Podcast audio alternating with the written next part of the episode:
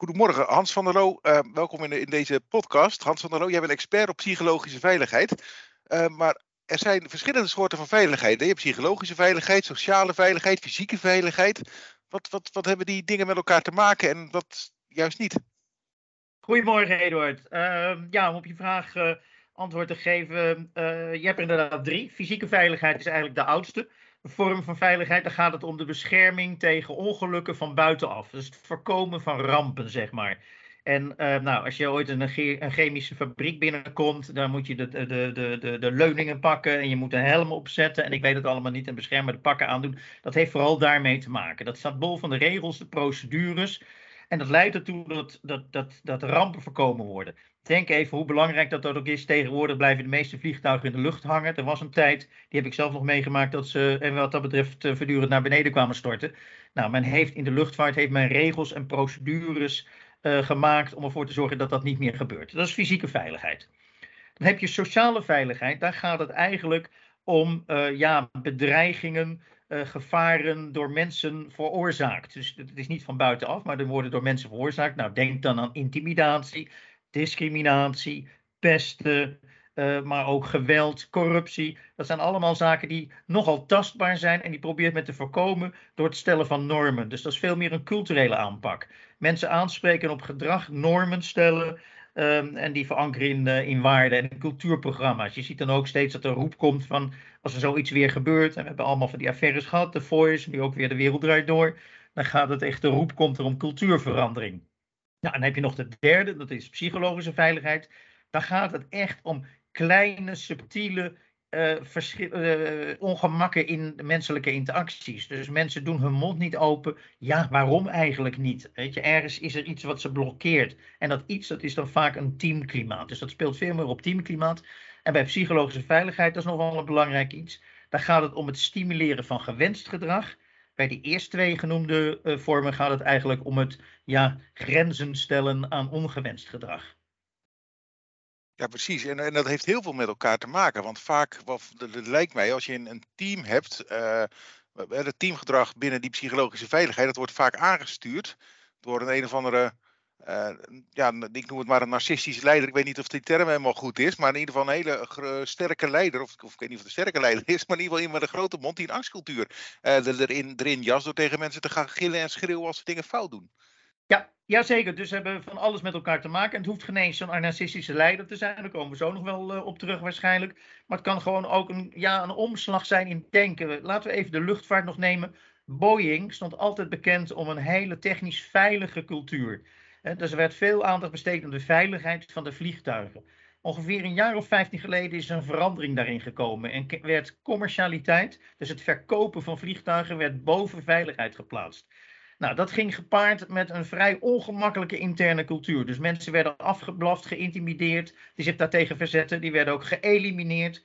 Uh, en er ontstond een angstcultuur waarbij niemand meer zijn mond durfde open te doen. Ook niet toen bleek dat bij een van de laatste toestellen dat uh, ja, de software niet deugde of dat er problemen waren met de software. Niemand zei er wat van, maar iedereen wist dat er problemen waren. Met als gevolg dat er nu twee Boeing-vliegtuigen vrij snel achter elkaar zijn neergestort en de hele Boeing-vloot aan de grond moest staan. Nou, daar zie je de verwevenheid tussen fysieke, sociale en psychologische veiligheid zie je echt in uh, optima forma. Ja, en maar, maar hoe, komt dat dan? Want enerzijds heb je dan die strenge mensen die, die, die, die een angstcultuur gaan neerzetten. Maar er zijn ook allemaal mensen die dat maar laten gebeuren. Want je kan ook zeggen, als iemand, als iemand mij afblaft, dan kan, heeft hij een probleem.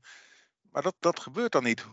Ja, als we nou even inzoomen op die sociale veiligheid en al dat soort. Uh, ja, nou, wat, kijk, er, moeten een paar randvoorwaarden moeten er zijn. In de eerste plaats moeten er natuurlijk uh, moeten leiders zijn die, jij noemde ze narcistisch, maar die misbruik maken van hun machtspositie als je die niet hebt, als je allemaal lieve leiders hebt en, gave leiders en goede leiders, wat allemaal in de managementboeken staat, waarbij die iedereen gelukkig willen maken en al dat soort zaken, ja, dan kan het niet gebeuren. Dus je moet leiders hebben die misbruik maken van de macht. Dat klinkt alsof het verweven zit in hun karakter, maar er is niet voor zeggen we macht corrumpeert. Dus op het moment dat je in een machtspositie terechtkomt, ja, dan gebeurt er wat in je hoofd. Dan ga je anders denken. Je gaat je verheven voelen boven anderen. Dus uh, dat is wat dat betreft, uh, kunnen doodnormale mensen kan het, uh, kan het overkomen. Nou, de tweede plaats wat moet er moeten zijn, ja, er moeten ook mensen zijn die daarvoor ontvankelijk zijn. Een klein voorbeeld bij The Voice. je had die Jeroen Rietbergen, die maakte misbruik van zijn machtspositie. Uh, bij verschillende kandidaten. Er was alleen één dame, uh, die staat bekend als Do, de zangeres Do. Ja, die was daar niet van gediend. En die zei ook ook tegen hem. Die zei, man, ben je koekoek? Ben je wel helemaal goed bij je hoofd? En ik wil niet meer dat dat gebeurt. Ze is nooit meer lastiggevallen door, door die vent. dus wat dat betreft, die daders, die kiezen ook altijd hun willige en makkelijke prooien uit. Dus je moet, wat dat betreft, je moet ontvankelijke doelwitten hebben. En je moet omstanders hebben die hun mond maar liever houden. Want ja, die weten niet zeker, is het nou echt gebeurd? Uh, wat kan er met mijn carrière gebeuren? Ze zijn ook weer afhankelijk. Hè? Dus je moet mensen hebben ook in een afhankelijke positie. Dus veel flexwerkers en mensen die wat dat betreft uh, geen vaste aanstelling hebben, die zijn er meer ontvankelijk voor. Dat is het tweede.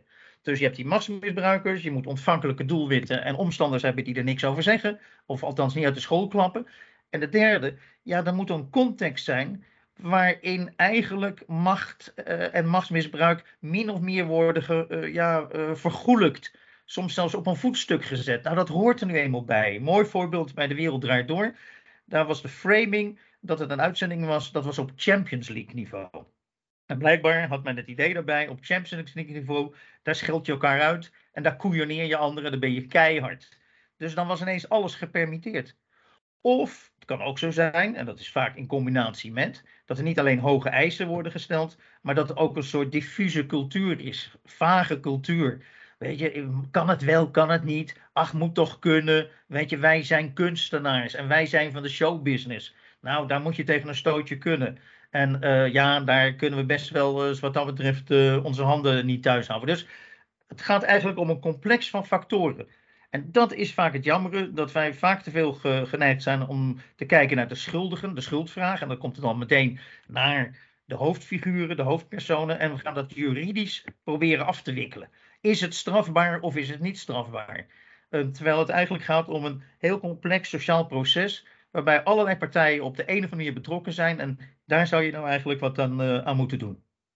Ja, het lijkt er nu ook op bijvoorbeeld dat, je, dat, dat wijzen naar die schuldigen. Dat zie je nu gebeuren in de bij de affaire in de Tweede Kamer, waar uh, de voorzitter Ariep, die wordt beschuldigd van, van, uh, van uh, machtsmisbruik.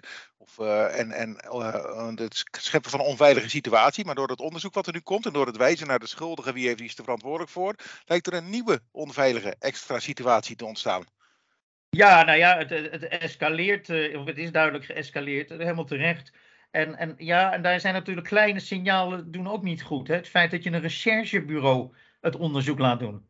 Ik denk, maar god, wat, wat, wat, wat is hier aan de hand, jongens? Uh, en niet om dat bureau te disqualificeren. Dat zullen best goede mensen zijn. Maar ja, dat gaat toch op een andere manier, weet je. Dat gaat bijna als forensisch onderzoekers die een moord onderzoeken.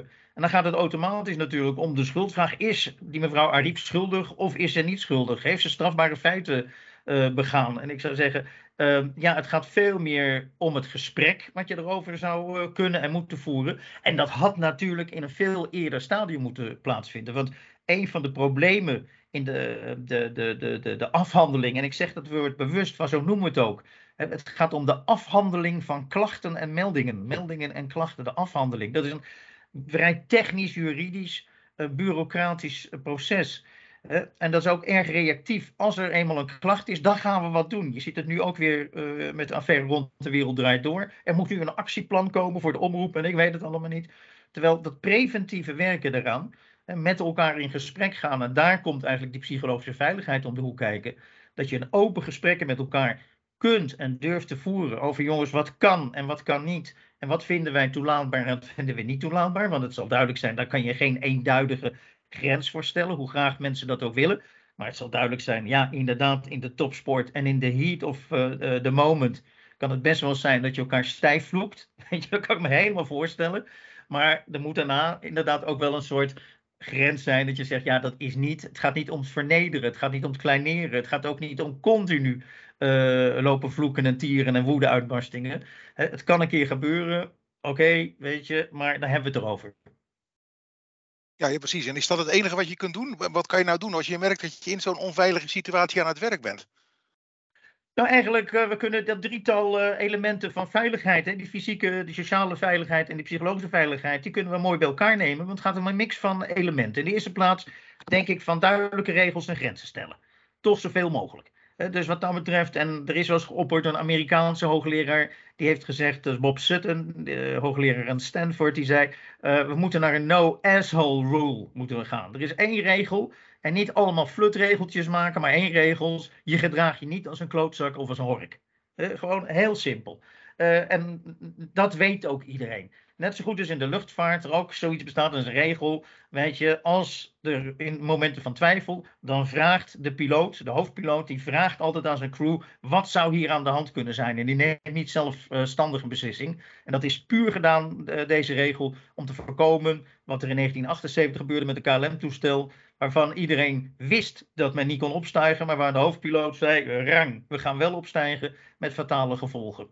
Uh, nou, dus een regel, de no-asshole rule. Weinig regels en makkelijke procedures om wat dat betreft gesprekken aan te gaan en dingen eventueel af te handelen voor zover dat dan moet. Dat is één. Twee, zorgen dat uh, je daarnaast ook, ja kijk, het leven bestaat niet uit regels alleen, maar dat je ook duidelijke waarden en normen hebt. En daarover moet je met elkaar in gesprek gaan. Dus dat er een cultuur is, dat is culturele pad. Uh, van mijn part ook rituele symbolen, waarbij je als ritueel elke dag eens bij elkaar komt en zeiden: Nou, is er gisteren wat gebeurd? Wat, wat, is er, zijn er gisteren dingen gebeurd die fantastisch waren? Zijn er ook dingen gebeurd die eigenlijk niet door de beugel kunnen? Wat is dat? Nou, dat, dat, dat, dat, dat gesprek erover. Dus het gesprek over normen. Maar ook gewoon kleine dingetjes. Kan het wel, kan het niet? Mag het wel, mag het niet? Want ja, het, het is wat dat betreft is een heel groot grijs gebied. En wij vervallen graag in uh, hele grote schablonen. je ziet wat dat betreft ook alweer de reacties nu. Ja, blijkbaar mag je niks meer op de televisie. Weet je, ja uh, schiet erop. Daar, ging, daar, gaat het helemaal niet om als je dat krantenartikel in de Volkskrant uh, leest. Dus dat is het gesprek daarover voeren. En het derde, ja, daar gaat het echt om de, de, de, de, de, ja, de, de durf, de moed. Uh, het feit dat mensen bij een team horen. Dat ze samen iets doen. Dat ook iedereen daarin gehonoreerd is. Dat iedereen ook volwaardig meedoet. Dan gaat het veel meer om die psychologische inkleuring daarvan. Um, en, en, en, en, en dan gaat het veel meer op kleine subtiliteiten. Dus dan ga je nog eens een keer dat gesprek, maar dan echt met, niet met, met, met de stofkam. Uh, niet met, de, met, het, uh, met de, de, de, de grove kam, met de, met, met de stofkam ga je dan uh, voeren. Dus je moet het op drie niveaus zien die met elkaar voortdurend verweven zijn. Dus er is ja. niet één silver bullet, om het zo maar te noemen. Dat wordt dan vaak gezegd, hè. we moeten strenger straffen, we moeten dit, we moeten dat, we moeten zus. Het is een mix van, van elementen. Ja, en het belangrijkste lijkt me vooral, vooral, vooral in gesprek gaan. Of van tevoren over wat, hoe doen we, wat doen we hier en hoe doen we dat nou eigenlijk met elkaar? En hoe gaan we hier met elkaar om? Ja, ja. en dan is het eerst een gesprek over twee soorten gesprekken. Eén meer over waarden en normen, kan het wel, kan het niet. En de andere veel meer een feedbackgesprek. Wat is er nu feitelijk gebeurd? En dan zit je veel meer in die psychologische veiligheid ook. Uh, dus ja, en dat betekent ook dat er een feedbackcultuur, dat die ook zo belangrijk is. En nou, daar zie je toch wel een hele hoop uh, organisaties waar ik binnenkom uh, ontzettend mee worstelen. Of men vervalt in hele vriendelijke feedback om de relatie maar te sparen. Dan, dan is alles eigenlijk omvloers. Dan wordt er met mail in de mond wordt er gesproken dat je eigenlijk nauwelijks weet van is er dan wel een probleem? Dat gebeurt mij regelmatig, dat ik op word gebeld en ergens te komen in een team uh, omdat wat dan de toestand onhoudbaar is. En dan gaat het om een stomme verbazing. Die teamleider begint een inleidingsgesprek waarbij hij eerst gaat vertellen hoe fantastisch dit team is en hoe goed hun werk is. Dan gaat hij vertellen dat er ook nog wel wat probleempjes zijn. Om te eindigen met het feit dat het eigenlijk uh, toch ook allemaal niet zo erg is. De bekende sandwich-formule. Ja, dat ja, is geen feedback.